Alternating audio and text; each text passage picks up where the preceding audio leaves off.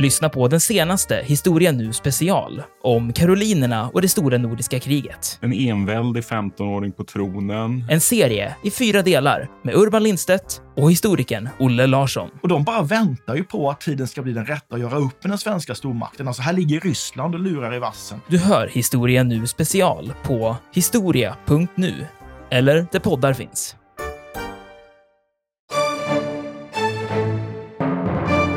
När Harald skryter med att han vann åt sig hela Danmark och Norge och gjorde danerna kristna, då är det precis vad han gör.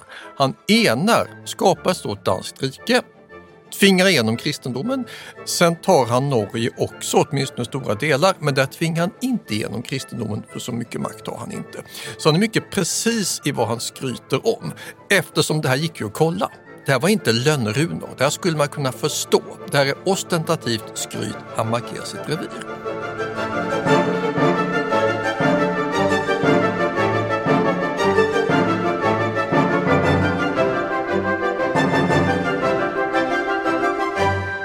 Välkomna till Harrisons dramatiska historia och till mig Dick Harrison och till min fru Katarina Harrison Lindberg som nu sitter här i en studio i Lund och pratar vikingatiden. Mm, vi har kommit fram till fjärde poddavsnittet på vår vikingasäsong och då har vi gått igenom upptäcktsresa till Amerika, kolonisation av Island och sejdande och människooffer och allt möjligt annat. Och nu är det dags för riksbildarna.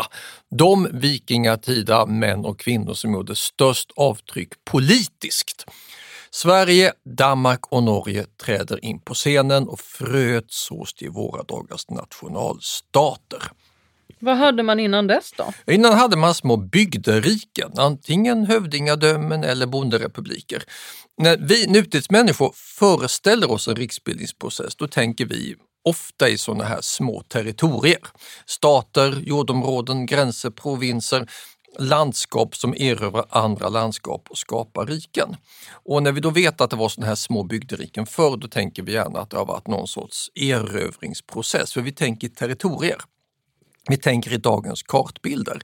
Och det första vi ska göra om vi vill förstå vikingatidens riksbildare, eller våra dåtidens politiker, det är att tänka bort de här territorierna. Tänk istället i människorna själva. Framförallt från hur de agerade, hur de bygger upp nätverk för att skapa skillnader. Och det som sker under vikingatiden på den punkten, det är något väldigt, väldigt radikalt. Man börjar agera på ett sätt som skiljer sig från de här gamla bygdeherrarna och bygger upp det som blir riktiga, alltså riktiga europeiska kristna medeltidsriken. Och allt börjar på Jylland. Ja, först ut är Harald Blåtand, eller Harald Gormsson som han egentligen hette. Det här tillnamnet Blåtand kanske är värt en, en kortare förklaring. Ja, för det undrar alla. Hade han en blåtand? Ja, ja, det vet vi inte. Det dyker upp för, allra först i Roskildekrönikan. Den skrevs ungefär 1140. Harald han härskade under andra hälften av 900-talet, alltså ett och ett halvt sekel före den här krönikören som sitter och skriver om hans blåtand. Så det är fullt möjligt att Harald aldrig kallades blåtand eh, på sin tid och att det här bara är någonting som folk hittar på långt senare. Men om den här krönikören faktiskt har rätt och att man bygger på en muntlig tradition att Harald Blåtand har kallats Blåtand så, så får man väl faktiskt tänka sig att en av hans tänder antagligen en, en tand som är synlig då, kanske en framtand, har varit ovanligt mörk och missfärgad. Alltså inte blå? Inte blå, eh, men, utan just mörk. Alltså, den kan ju ha varit rutten. Den får ju lite, då, då blir de ju lite så här gråbrun, men kanske till och med kan få en lite småblå gråton faktiskt. Som mobilanvändare måste jag ju be dig utlägga lite bluetooth. Är det blåtand? Ja, ja men det är faktiskt det. det, det, är upp, det den är upp, uppkallad efter den här vikingakungen. Den här symbolen, om man tittar på bluetooth, det, den består av en den ser ut som en någon sorts runa faktiskt. Det, består, det är en kombination av H och B-runan. eh, som är initialerna för Harald Blåtand. Så varje gång någon använder bluetooth så hyllar man alltså utan att man vet om det den danske riksbildare som vi ska prata om nu.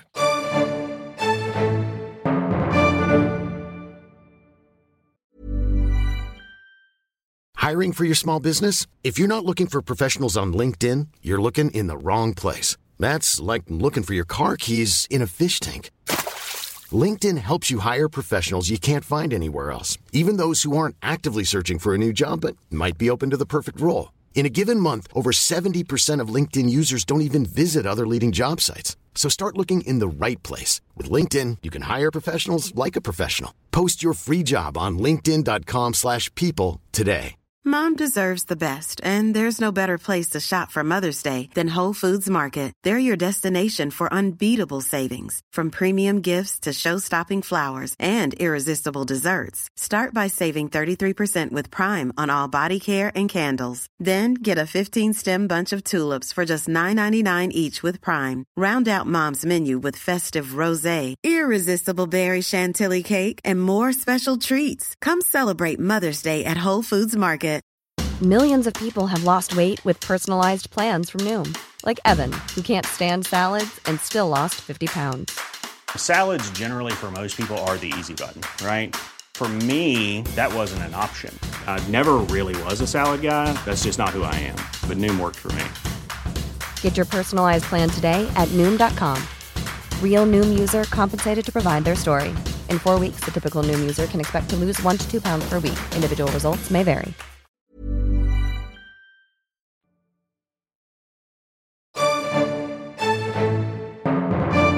De som nu inte kopplar bluetooth Harald Blåtand, de brukar normalt förknippa Harald Blåtand med Franske Bengtsson, Röde Orm.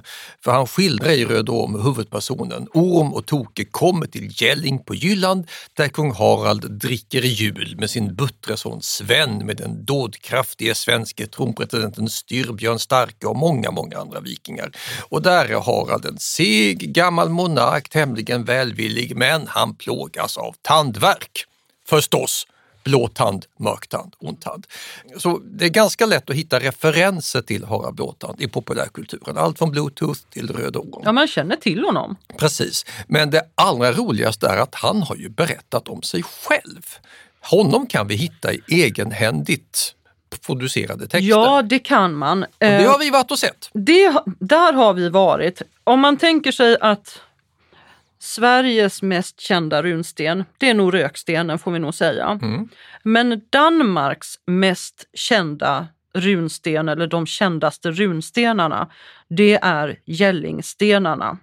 Och de restes av Harald, åtminstone den, den stora stenen som där han nämner sig själv. Den här stenen den står idag placerad mellan två stora gravhögar kyrka, alldeles vid en kyrka, Ja. precis utanför kyrkan. Det här är en plats, alltså har man inte varit där så är det ju verkligen värt att åka dit. Fram till för några år sedan så var det dessutom så underbart så att de här stenarna stod eh, helt liksom öppet och oskyddat. Idag är de inglasade så man kan inte komma åt dem. Men, eh, men de står fortfarande på sin plats där. Eh, och högarna är gigantiska gravhögar och mellan så ligger då den här lilla kyrkan, en vit medeltidskyrka. Ja, tyvärr den hemskt restaurerad. Ja, den är, den är, invändigt är den mycket restaurerad. Men, eh, men utvändigt så, så ser den ju medeltida ut. Eh, Och hela den här lilla orten Gällinge är en väldigt gullig ort, inte så stor, värd att besöka. Men på den här stenen då så kan man läsa att Harald Konge, kung Harald, han lät göra de här kumlen efter sin far Gorm och sin mor Tyra. Och han talar också om att han är den Harald som vann hela Danmark och Norge och gjorde danerna kristna. Med Eh, skryt på kunglig Ja, han skryter, på, han skryter här och eh, hans pappa Gorm begravdes i den nordligaste högen och därefter så lät Harald döpa sig. Han blev kristen. På stenen på ena sidan så är det en stor Kristusbild som visar hur, hur kristet det är. Och då så såg han också till att flytta in sin pappas kvarlevor till den här nybyggda kyrkan. Så att han fick en, en ny begravning. Så retroaktivt kristnande av en man som inte ens visste att han var döpt? Skulle man kunna säga. Ja, absolut. Men eh, Harald tyckte väl att det var viktigt att pappa kom till himlen. Eh, och under, Gorms skelett har undersökts så, och det har visat att han var ungefär 172 centimeter lång. Han dog när han var mellan 40 och 50 år. Jag inser att han var en kopia av mig nu när jag sitter här. Ja, tack och lov sitter och inte indragen i kyrkan. Dendrokronologiska analyser av träet i Gorms första gravkammare visar att eh, ekträet som, som eh, utgjorde den här kammaren fälldes år 958. Och, eh, så innan dess så kan inte kung Harald haft någon kungamakt för då levde ju pappa. Och, och såvida han inte var medkung då till pappa, pappakungen. Men, och tack vare den saxiske krönikören Widukind så vet vi att Harald lät döpa sig ungefär 965 på, eftersom det kom tyska missionärer till trakten. Det är alltså väldigt bra utgångspunkter. Harald berättar själv vad han gör, vad han heter, vad hans mamma och pappa heter. Det är nästan som att plocka med en ID-bricka, släpper in dem i en kyrka så man kan detaljanalysera pappas skelett. Och så har vi en tysk krönikör runt om hörnet som berättar ungefär när det här skedde. För att vara nordiskt 900-tal så är det här exceptionellt bra kronologiska utgångspunkter. Och dessutom vet vi att han gjorde faktiskt en enorm skillnad. När Harald skryter med att han vann åt sig hela Danmark och Norge och gjorde danerna kristna, då är det precis vad han gör. Han enar, skapar ett stort danskt rike, tvingar igenom kristendomen. Sen tar han Norge också, åtminstone stora delar, men där tvingar han inte igenom kristendomen för så mycket makt har han inte. Så han är mycket precis i vad han skryter om, eftersom det här gick ju att kolla. Det här var inte lönnrunor, det här skulle man kunna förstå. Det här är ostentativt skryt, han markerar sitt revir. Han gör mer än det också.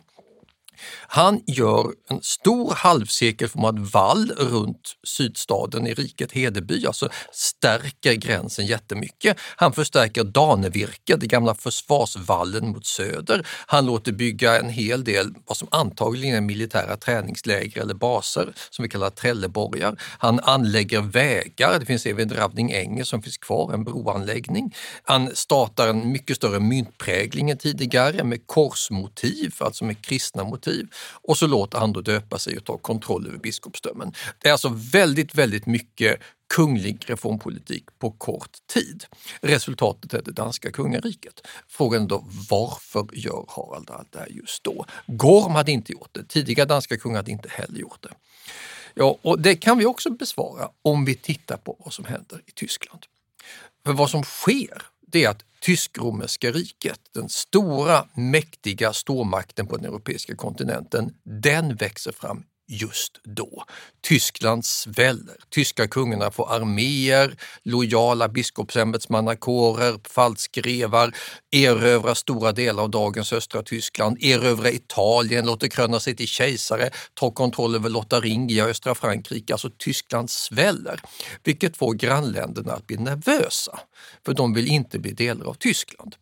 Tittar vi på vad man gör i Böhmen, alltså Tjeckien, i Ungern och i Polen så finner vi att de ser till att tyska till sig fort som tusan. Alltså skapa tyska kyrkor, låta döpa sig, bygga upp tysk administration så att man ska kunna stå pall mot Tyskland i en eventuell kraftmätning. Det är alltså det Gorm gör, han tyskar till sig? Inte Gorm, men Harald. Ja, Gorm sitter där på Jylland och tänker att det här är väl inte så farligt. Då har tyskarna hållit på lite grann. Gorm är en bygdekung. Harald måste tyska till sig. Harald Annars till sig. kan det gå som det gick för de där andra grannarna till Tyskland. Italienarna till exempel, numera invånare i Tysk-romerska riket. Då kommer det gå för Burgundier, de måste också tyska till sig. Polackerna, han bor granne med en expansiv stormakt och han har ingen västlig försvarsallians som man kan banka på porten till. Han är bygdekung på Jylland. När blev det här Nordtyskland? Ja, helst inte alls, men då måste jag skärpa mig fort. Det är klart, jag kan inte hålla fast vid gamla gudar som är svagare än den starke kristne guden som bara vinner och vinner. Låta döpa sig. Myntprägling med speciella kungliga imagebilder, klart vi ska ha. Och våra arméer måste bli mycket, mycket bättre, infrastrukturen också, och det måste gå fort. Så det här är ett tryck utifrån mycket tydligt militärt tryck och Harald Blåtand tyska till sig så det verkligen fungerar.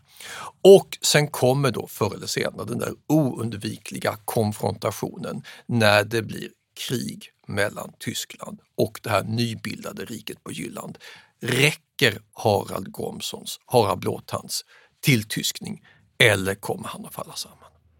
Ja, det som hände var att Eh, den här kampen mot Tyskland, den kulminerade efter nyheten om att Otto den förstes son och efterträdare, kejsar Otto den andre förstås, hade lidit ett nederlag mot muslimerna i Italien år 982. År 983, samtidigt som många västslaviska stammar gjorde uppror mot det tyska väldet, då snodde Harald tillbaka Sönderjylland som han tidigare hade förlorat. Det kunde han för att han hade tyskat till sig. Och, segrar över supermakten? Ja, han segrar över supermakten och det kan mycket väl vara så att det kan vara den händelsen som åsyftas i den här runstenen där han säger att han vann sig hela Danmark.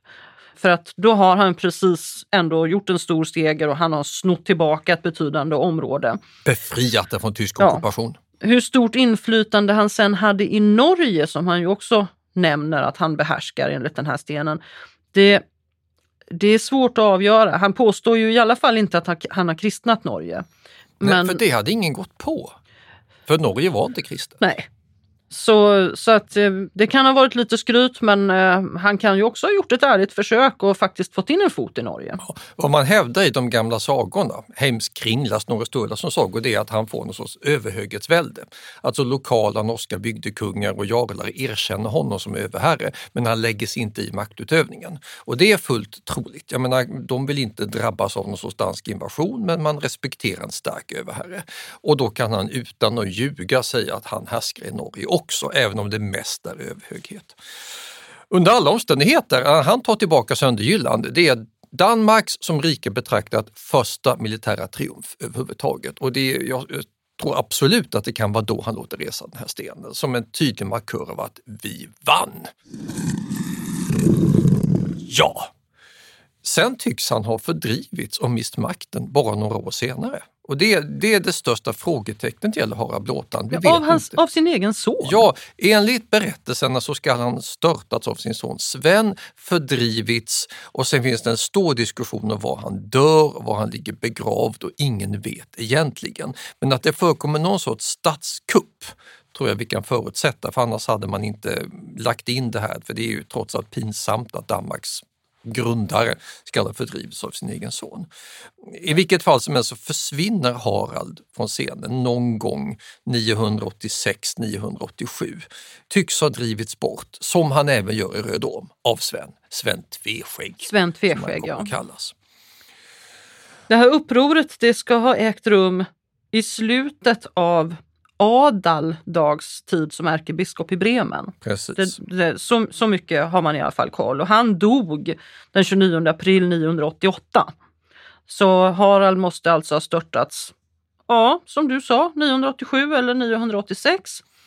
Um, och då får vi ju svårt att förstå hur han ska ha regerat i 50 år, vilket folk påstår att han gjorde. Ja. Så han är lite Det går inte riktigt att få ihop det. Matematiken funkar inte. Inte heller varför han skulle ha störtats. Nej. Det är idel gissningar. Vi kan ju inte lita på de här tyskarna som säger att det var en hednisk reaktion eller en kristen reaktion, för de skriver långt senare och har en egen agenda. Mm. Men han är som sagt första riksbildaren i Skandinavien. Ja. Och det, den äran kan ingen ta ifrån honom. Men då ska vi också veta att det här är ju ett rike som ja, vilar på lite lös grund. Ja, han åkte trots allt ut. Men fastare än bara ett sånt här gammalt hövdingadöme som vi har pratat om tidigare. Då. Så det är trots allt en, en, en riktig riktigt permanent politiskt system. Ja, för man ska tänka att innan när vi hade de små bygderikena, visst de kunde då ibland erövra, alltså få folk att erkänna överhöghet. Stå mäktig kung i Skåne kan få folk i Blekinge och Själland att erkänna att visst, vi lyder under dig. Men det trillar omkull så fort kungen dör. Man bygger inte där på stabil, långsiktig grund. Men det gjorde Harald Blåtand. När han fördrivs så tar sonen Sven över och då har man byggt upp så pass stabila kyrkor lite administration, militära bastioner, att riket överlever. Inte faller samman till lilla bygderiket på Jylland utan finns kvar. Och Sven Tveskägg... Ja, Sven var en ganska duglig kung får man väl ändå säga sen. Ja, annars hade ju allt trillat samman. Men Sven bygger utan tvekan vidare på allt det här. Det är nu vi kan vara helt säkra på att Skånelandskapen ingick. Det är osäkert om Harald hann erövra Skåne också. Det finns inga konkreta belägg för mm. exakt mm. när det drogs in. Men vi kan vara helt säkra på att Skåne ligger inom den danska ramen under Sven Tveskäggs tid. Bästa exemplet är att Uppåkra som då har varit centralort i Skåne sedan 100-talet före Kristus försvinner nu. Tycks ha lagts ned på kort tid och ersätts av Lund som ligger på ett helt obegripligt ställe. Ja, vi, vi, sitter i Lund just nu, för oss är det helt självklart, men det ligger på en sumpmark på en åssluttning utan tillgång till vatten som man kan ro eller segla in på tycks inte ha funnits någon bra väg heller. Varför Lund? Jo, det låg fyra kilometer bort från den gamla centralorten på en kulle. Perfekt kunglig bas. Och dessutom, Lund hade en stadsplan. Alltså, det här låter självklart för oss, men stadsplan på vikingatiden.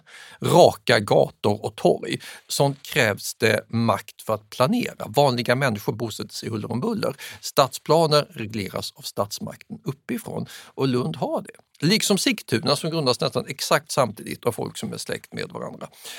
Så, så det här är ett kungligt välde som blir permanent eftersom man har tyskat till sig, mm. skapat sitt eget lilla välde här vid nu från Jylland och sen tar man öarna och det blir ett permanent danskt kungarike.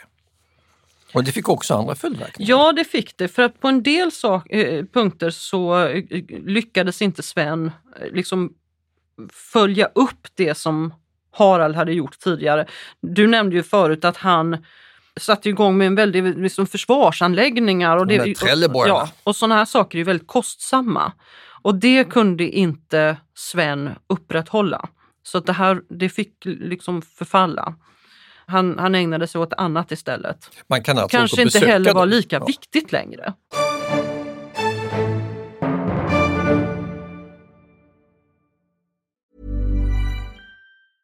Mom deserves the best, and there's no better place to shop for Mother's Day than Whole Foods Market. They're your destination for unbeatable savings, from premium gifts to show-stopping flowers and irresistible desserts. Start by saving 33% with Prime on all body care and candles. Then get a 15-stem bunch of tulips for just $9.99 each with Prime. Round out Mom's menu with festive rosé, irresistible berry chantilly cake, and more special treats. Come celebrate Mother's Day at Whole Foods Market. Millions of people have lost weight with personalized plans from Noom, like Evan, who can't stand salads and still lost 50 pounds. Salads, generally, for most people, are the easy button, right? For me, that wasn't an option. I never really was a salad guy. That's just not who I am. But Noom worked for me. Get your personalized plan today at Noom.com. Real Noom user compensated to provide their story. In four weeks, the typical Noom user can expect to lose one to two pounds per week. Individual results may vary. Hiring for your small business? If you're not looking for professionals on LinkedIn, you're looking in the wrong place. That's like looking for your car keys in a fish tank. LinkedIn helps you hire professionals you can't find anywhere else, even those who aren't actively searching for a new job but might be open to the perfect role. In a given month, over 70% of LinkedIn users don't even visit other leading job sites. So start looking in the right place. With LinkedIn, you can hire professionals like a professional. Post your free job on linkedin.com slash people today.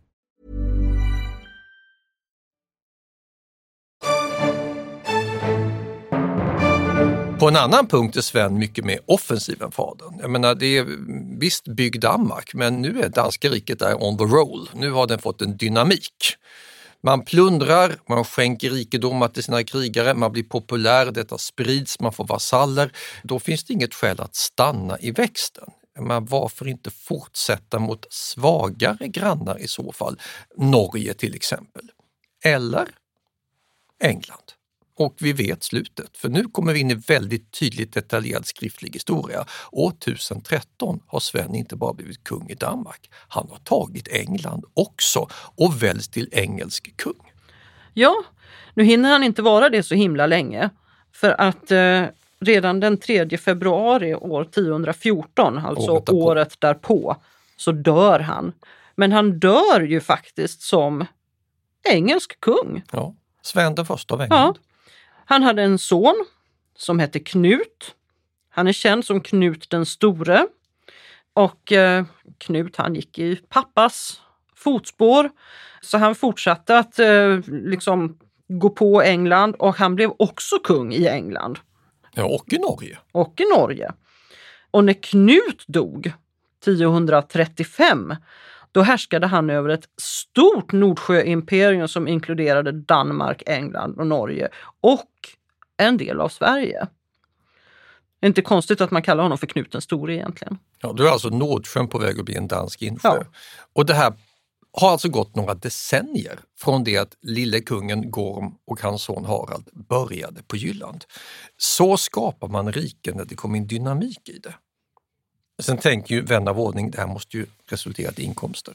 Det måste ju vara profitabelt att hänga med Knut. Ja, det märks ju att, eh, att det var så. Det var många som hängde med Knut när han gav sig ut för att erövra saker och ting. Han samlade ihop, efter erövringen av England, så kunde han och hans krigare fördela ungefär, håll i det nu, över 30 000 kilo silver. Ja, många ville hänga med Knut alltså. Många ville hänga med Knut.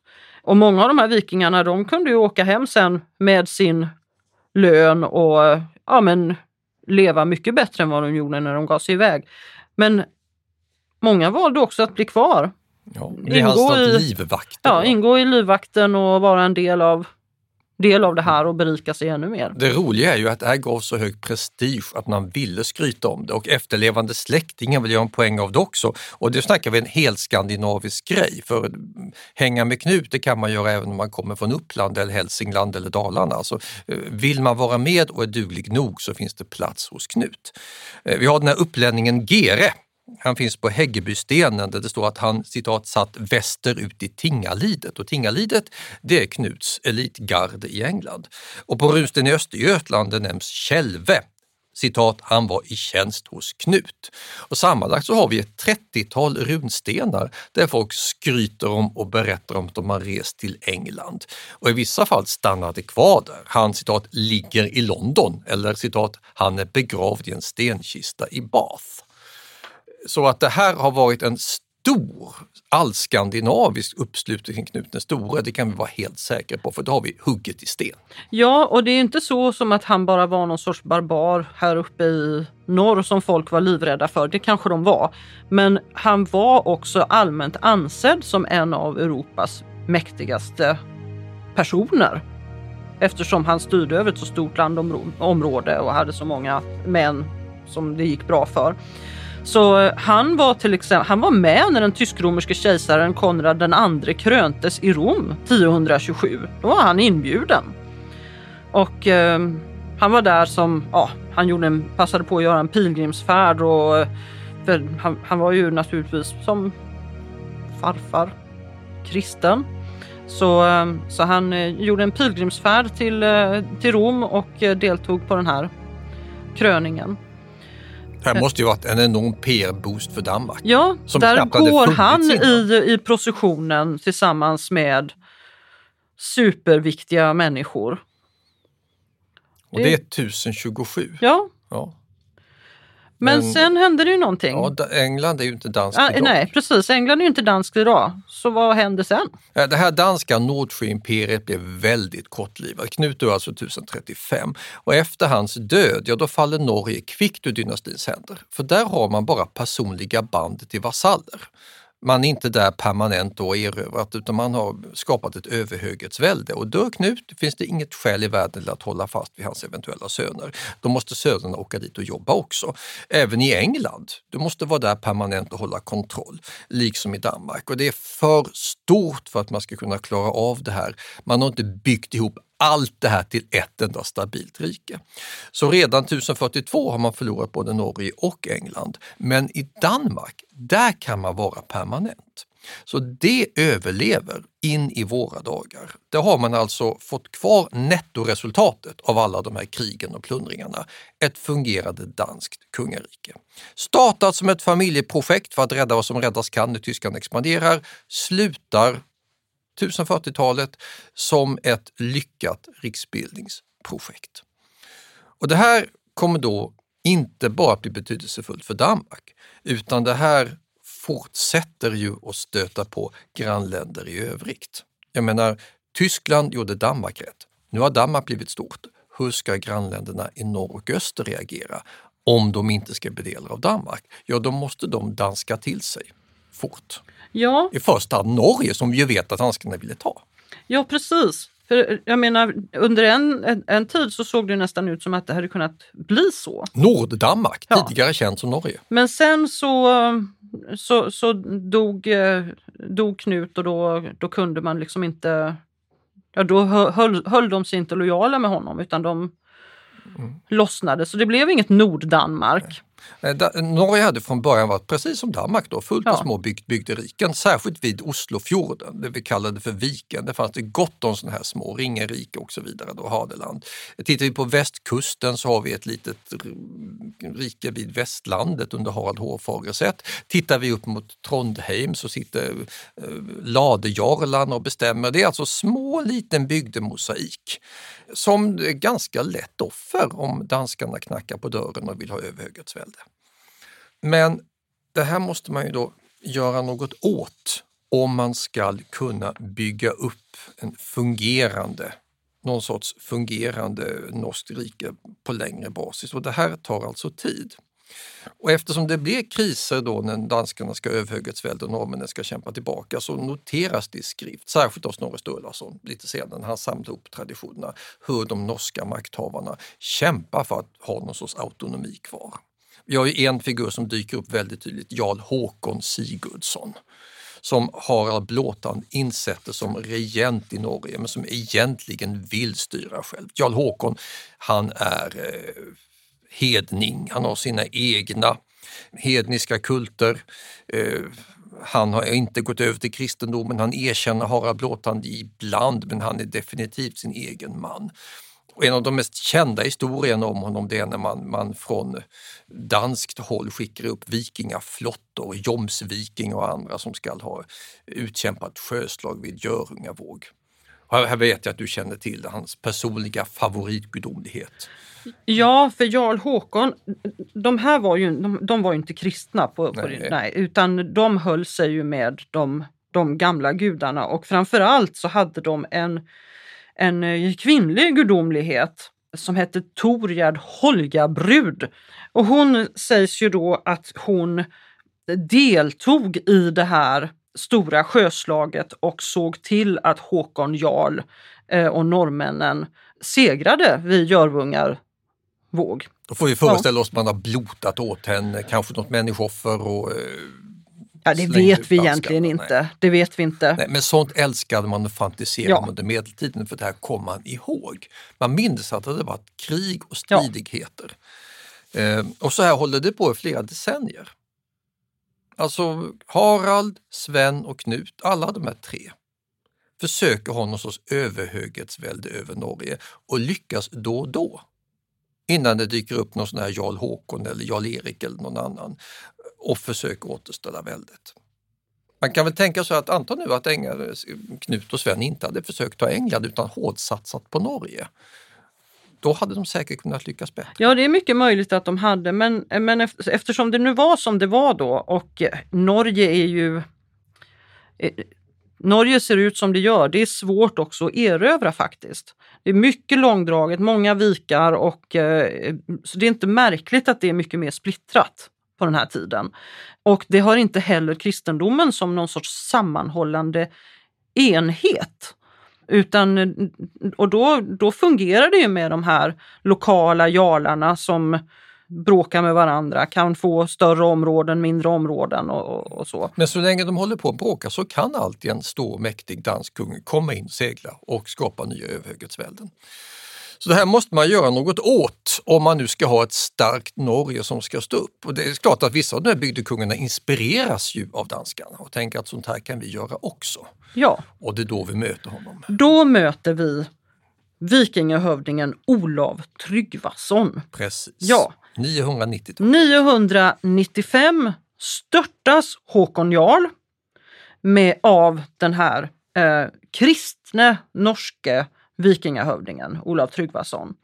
Och i norsk medeltida tradition så är han en legendomsusad ljusgestalt som bygger upp riket, sprider kristendomen och är the man of the year. Men egentligen vet vi inte jättemycket om honom. Det finns ingenting som eh, säger att han regerade över ett jättestort territorium, mycket större än vad föregångarna hade gjort. Men han måste ha varit någon sorts hot, för vi känner till hans död väldigt väl. Ja, det gör man. Han stupade år 1000, lätt att komma ihåg, i strid mot Sven Tveskägg och dennes svenska allierade Olof Skötkonung. De gick ihop och eh, eh, i ett eh, berömt slag vid Svolder, tre kungar deltog.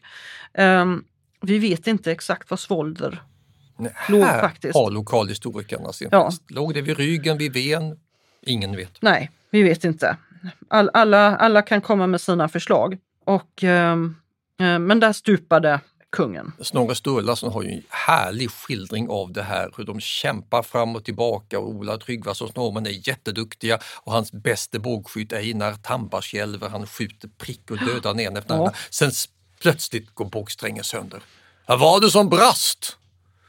Norge ur dina händer, konung, ska Einar ha sagt. Jaha. Varefter Ola Tryggvason avslutade allt för att inte falla i fiendens händer med att bara hoppa rakt ned och dyka. Och enligt vissa legender dör han inte alls utan han blir pilgrim och åker till Jerusalem eller något annat. Men så började Man börjar alltså från lokalt norskt bygdekungahåll bygga upp sitt eget rike efter mönster från det danska. Och nästa Olav Ja, lyckas desto bättre. Precis. Skapa det här permanent. då har vi lämnat Olav Tryggvason bakom oss och istället så tittar vi på Olav Haraldsson. Eller som man kallar honom idag, Olav den helige. Precis. Sankt Olav, Sankt Norregs Olav. evige konge. Som ju gör om samma sak egentligen, enar de här, men gör det brutalare, häftigare och framförallt driver igenom kristendomen överallt som sitt statsbärande kitt. Och visserligen så besegrar danskarna honom, han stupar ju slaget för Stiklestad 1030, men den gången består Rikseningsverket. Sen är det bara en tidsfråga innan hans släkt ska ta tillbaka makten. Man kan ju undra då om det är så här att eh, det fakt alltså det måste ha underlättat om man vill ha en riksbildning att också ha kristendomen med sig. Jag tror det underlättade enormt. För jag menar, vad är kyrkan i det medeltida Europa? Jo, det är den enda institutionen. Romarriket har fallit samman och i princip all administration utom kyrkan är död och begraven. Vi har inget skatteväsen, du kan inte betala kommundirektörer eller länsstyrelser. Men du har en kyrka som har fasta inkomster. Har du den vid din sida så får du folk som styr, hjälper till, som hela tiden finns där för det är en fast institution. Och dessutom har de pluggat. De kan saker, de sitter inne på know-how. Och de har dessutom band till Gud som kan legitimera ditt välde och säga att du är Guds utvalda härskare. Och får du folk att tro på det här så blir du ännu mäktigare. Så allt sammantaget så är ju kyrkan en väldigt stabiliserande faktor om du ska få dina erövringar att bli permanenta. När den poletten trillar ner blir det plötsligt lättare. Så då har vi fått Danmark, Danmark. och, och Norge. fått Norge. Och sen kommer vi till trögbrorsan i sammanhanget. Ja. Vi är lite Sverige. efter här. Ja, vi är mycket efter. Ska man, så alla de här figurerna de har vi alltså källor till. Harald berättar om sig själv. Olav den helige och eh, Olav Tryggvason. Det finns mycket upptecknat. Olav Snorre Sturlason skrev en hel bok om Olav den helige. Gott om traditioner. Försök hitta något om svenska kungar vid samma tid. Det blir tuffare. Eftersom vi inte hade någon stor skriftlig tradition, så viktigt och så mäktigt och rikt var inte Ja, Sverige. Kunde tittar vi på vad Adam av Bremen skriver om Olof Skötkonung så framstår han inte som en särskilt stark härskare. Så att eh, svenskarna, vi var inte till- lika organiserade Nej, och det än. blir alltså. ännu värre om vi tittar på Adam av Bremens egen tid. När han sitter och skriver då är det fullt inbördeskrig i Sverige där man byter kung hela tiden. Det är Stenkil dör, två som heter Erik slår ihjäl varandra, någon som heter Håkan Röde dyker upp, man importerar en från Ryssland, Anund från Gårdarike. Alltså, Det ger absolut inte intryck av att vara mission accomplished. Sverige skjuter upp sitt riksenande mycket, mycket länge. Huvudsakligen måste man nog säga för att vi inte behövde det. Det är jobbigt att gå med på att lyda under en stark och mäktig kung. Du vill det helst inte om du kan undvika det. Och det finns inte någon stormakt runt om hörnet som hotar de här svenska bygdehövdingarna. Så svenska egentliga riksbildningen, den får vi skjuta framåt till säsong 5. Det är framme på 11-1200-talet, Birger Jarl och andra. Sverige är alltså den svaga parten i sammanhanget under vikingatiden. Ja, ja det, det ser ju verkligen ut så. Men om vi tittar på de här personerna då som man kanske kan komma lite närmare, Harald Blåtand och Sven Tveskägg och Alla de här riksbilderna. ja, de här riksbildarna. Men äh, går det att komma nära dem? Vad vet vi egentligen om de här? Eller är, är, är de bara namn? Ja, är det bara namn? Ja, alltså som människor betraktade är de bara namn. Vi vet inte hur de såg ut, hur de ställde sig till kristendomen eftersom Adam av Bremen är notoriskt opålitlig. Man, han tänker bara på sitt eget ärkebiskopsdömes perspektiv. Så eh, vad de egentligen tycker och tänker, det har vi inte en susning om. Däremot vet vi vad de baserar sin makt på, vad de omger sig med för några människor och vilken logik som byggs in i deras maktutövande. Och det står helt klart att det viktigaste för dem allesammans, nu, nu snackar vi överlevnad här, det är följet. De måste ha det här tingalidet, hirdenliden runt omkring sig. På den punkten var de inte unika. Sånt, det är samma sak i grannländerna. På latin kallar man ett sånt följe för comitatus, i Italien gasindium, i Östeuropa drogina. Har de inte en stark bas av lojala krigare som kan backa upp dem så är deras dagar räknade. Jo, det var ju inte det lättaste heller att knyta de här männen till sig för att det var ju en, det var ju en personlig lojalitet. Mm. Så att eh, hirden svor trohet till ledarna så länge det De tjänar Ja, så länge de tjänade på det egentligen. Och eh, det gällde att kungen kunde ge dem gåvor, ge dem framgång, ge dem makt. Om det här helt plötsligt började svaja så, så, så kunde det vara så att det började brista så... Då har kungen ingen legitimitet Nej. kvar. Han mister sitt mandat. Jag menar, kung, de isländska skaldedikterna heter ofta kungarna ringgivare. Alltså de som ger ringar Ja. av lödigt guld till krigare. Då är det en kung som har någon sorts psykologisk plikt att följa. För man måste någon sorts ge sin mannakraft i gengäld för att man får gåvor. Om kungen är svag och inte gör det här, då, är, då får han inte lycka med sig. Och de mäktigaste vikingakungarna, det har vi redan sagt, de utnyttjar sina militära framgångar till att bygga upp starka krigarföljen och skänka dem silver och guld, som det här med Knut den store, Tingalidet. Han hade ju jättemycket silver och det ska han inte sitta och hålla på som Joakim von Anka, tvärtom, detta ska ut. Det köper man lojalitet med. Maktställningen förpliktigar. Du ska ha stora väldiga gästabud, skänka ut rikedomar, förläna mark, bjuda på fest. Då får du ära och då får du lojalitet. Ja, och till detta kommer ju en, följd förstås då att man som kung aldrig kunde sitta och vara overksam. För att kunna eh, hålla de här krigarna, eh, man måste hålla dem sysselsatta, man måste kunna få in eh, krigsbyte, så måste man ju hålla på, man måste ha strider, man måste ut och plundra, man måste liksom expandera sitt rike för att få, få hela det här systemet att, att fungera. Åtminstone tvinga grannarna att lämna lite tribut som Ja. man kan dela ut. De måste hålla igång. Så unga dynamiska kungar har lätt att få vänner. Ja. Här har vi kanske förklaringen till varför Harald Blåtand blir störtad av Sven. Sven är ett bättre framtidskorn, Ja. helt enkelt. Mycket, mycket möjligt. Ja. Sen så måste han dessutom gifta sig med rätt tjej.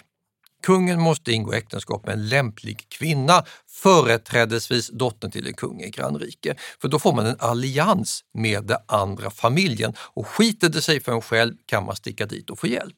Och Det här är något som man får väldigt mycket källor om, för det här var ju viktiga internationella avtal. Och så vitt vi kan se så hämtade man i Skandinavien gärna sina kungliga gemåler från slaviska länder. Slaviska furstendömen, alltså i östra Tyskland och Polen. Därifrån, alltså närmaste grannar i nästa kulturområde, kunde man hämta stöd om man fick problem. Eh, alltså, jag menar, Olav den helige i Norge, när han går i exil, då hamnar han i Kiev. Mm. För det är ingift i det svenska och norska kungasystemet. Jaroslav i Kiev, det är en bra kompis. Och så här bygger man upp sina riken. Att kungen skulle gifta sig med en bonddotter eller älskarinna från hembygden är alltså no, no, no. Du måste använda familjen för att bygga upp din makt, precis som du måste använda ditt krigarfält. Och det här som vi säger nu med hirden, det här expansiva, att man eh, ger sig ut och strider, att man eh, lämnar gåvor, att man ska gifta sig väl. Alla de här bitarna, det var ju egentligen ingenting nytt. Nej, Så här hade man ju gjort under mycket lång tid för att eh, inskärpa makten och, och liksom bygga sig sina, sin maktbas. Den stora skillnaden nu är att man gör det här i mycket större skala. Att man kan knyta mycket, många fler män till sig. Att man blir Ja, att man därmed också blir mycket starkare än vad man har varit tidigare. Och vissa av de här män man knyter till sig får nya arbetsuppgifter. Det är inte bara att slå ihjäl folk. Ta bara det här att du börjar prägla mynt. Jättemycket mynt. Vilket man egentligen inte har någon nytta av alls, för det här är naturekonomier. Du kan hålla myntpräglingen på låg nivå, vilket man hade haft innan, köparna behöver det. Men alla de här kungarna, Olof Skötkonung, Olof Tryggvason, Sven Tveskägg, ser till att börja prägla mynt efter tyskt och engelskt mönster, sätter igång med en intensiv myntprägling med kristna kors, plagierar mynten i grannländerna. Man kan läsa till exempel, det här är Sven Tveskägg, Krux kors på latin, Sven rex ad dener, Sven kung över danerna, på ett latinskt språk som säkert väldigt få av hans undersåtar kunde läsa. Men anledningen till att man gör det här, det måste ju dels vara att man vill visa att man är en del av den här större världen. Att Mm. vi är lika bra som de längre Image söderut. building Ja. mot omvärlden och det hade man inte gjort innan. Det är nytt. Samt att man mutar in sig i kristenheten, gör det här tydligt och har en bild på sig själv. Det här är ju något man har lärt sig från engelsmännen och tyskarna. Så här ska man göra för att visa att vi har ett riktigt rike vi också. Och det intressanta är att de här skandinaviska kungarna de tycks ha samarbetat om det här eftersom vi vet att de har samma myntpräglare. Det är engelsmän som får åka runt mellan Sverige, Danmark och Norge och hjälpa alla de här kungarna att prägla mynt. Eh, det är en som heter Godwin till exempel. Godwins namn dyker upp lite överallt hos Sven Tveskägg, Ola Tryggvason och Olof Skötkonung. Så de måste haft en ambulerande tillvaro. Det skulle vara kungliga mynt för att visa att vi hänger med i gänget. Men de måste ju också ha känt varandra. Om man tänker sig att Sve- Sven Tveskägg och Olof Skötkonung, de måste ha känt varandra ganska väl. Ja. För Sven gifte sig med Olofs mamma efter att Erik Segersäll hade dött. Så att det kan ju inte ha varit, jag menar, de samarbetade väl rimligen och utbytte precis. kunskap och information och sa att jag har den här killen, han är bra. Och ser vi nu dessutom hur Lund och Sigtuna ser ut, städer som grundas precis då med raka gator, kyrkor och med delvis samma invånare som heter Godwin och präglar mynt, så förstår vi ju hur det här är ett personligt starkt familjeprojekt. Så här bygger man någonting nytt och så får heden följa med och så gifter vi in oss i varandras släkter. Så det har varit en väldigt intensiv verksamhet för att få in det här nya. Lund som exempel då, och Sigtuna. Eh, I synnerhet i Danmark så satsar man på att bygga sådana här stadsplanegrejer för att se till att få kungliga baser. Eh, Sigtuna funkar inte lika bra. Det tycks folk ha flyttat fram och tillbaka när kungen kommer dit, men Lund lyckades ju till en början som en ren bas.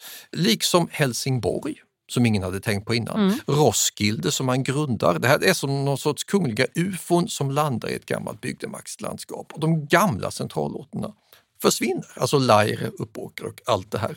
Och då skapar man nya maktbaser där man kan sätta en biskop och bestämma. Och då får du den här institutionella starka kontinuiteten som du inte hade fått innan, när du bara hade ditt lilla krigarfölje.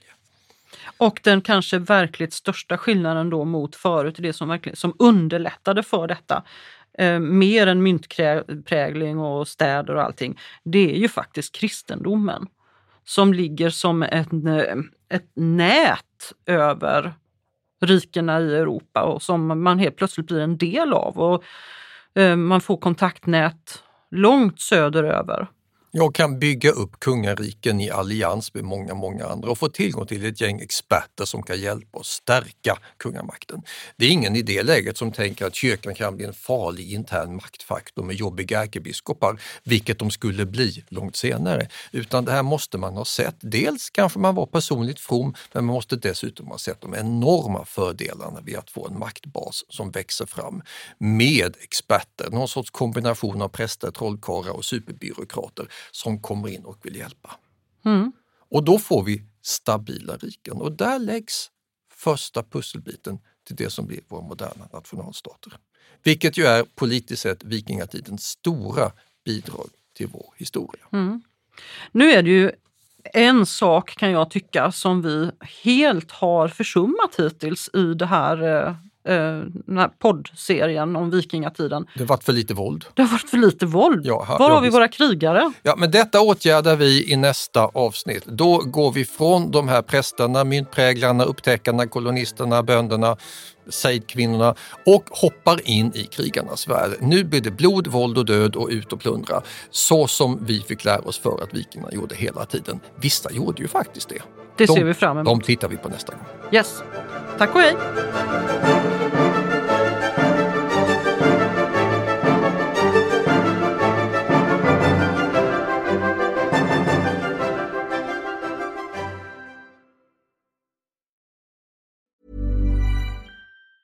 Mom deserves the best, and there's no better place to shop for Mother's Day than Whole Foods Market. They're your destination for unbeatable savings, from premium gifts to show-stopping flowers and irresistible desserts. Start by saving 33% with Prime on all body care and candles. Then get a 15-stem bunch of tulips for just $9.99 each with Prime. Round out Mom's menu with festive rosé, irresistible berry chantilly cake, and more special treats. Come celebrate Mother's Day at Whole Foods Market.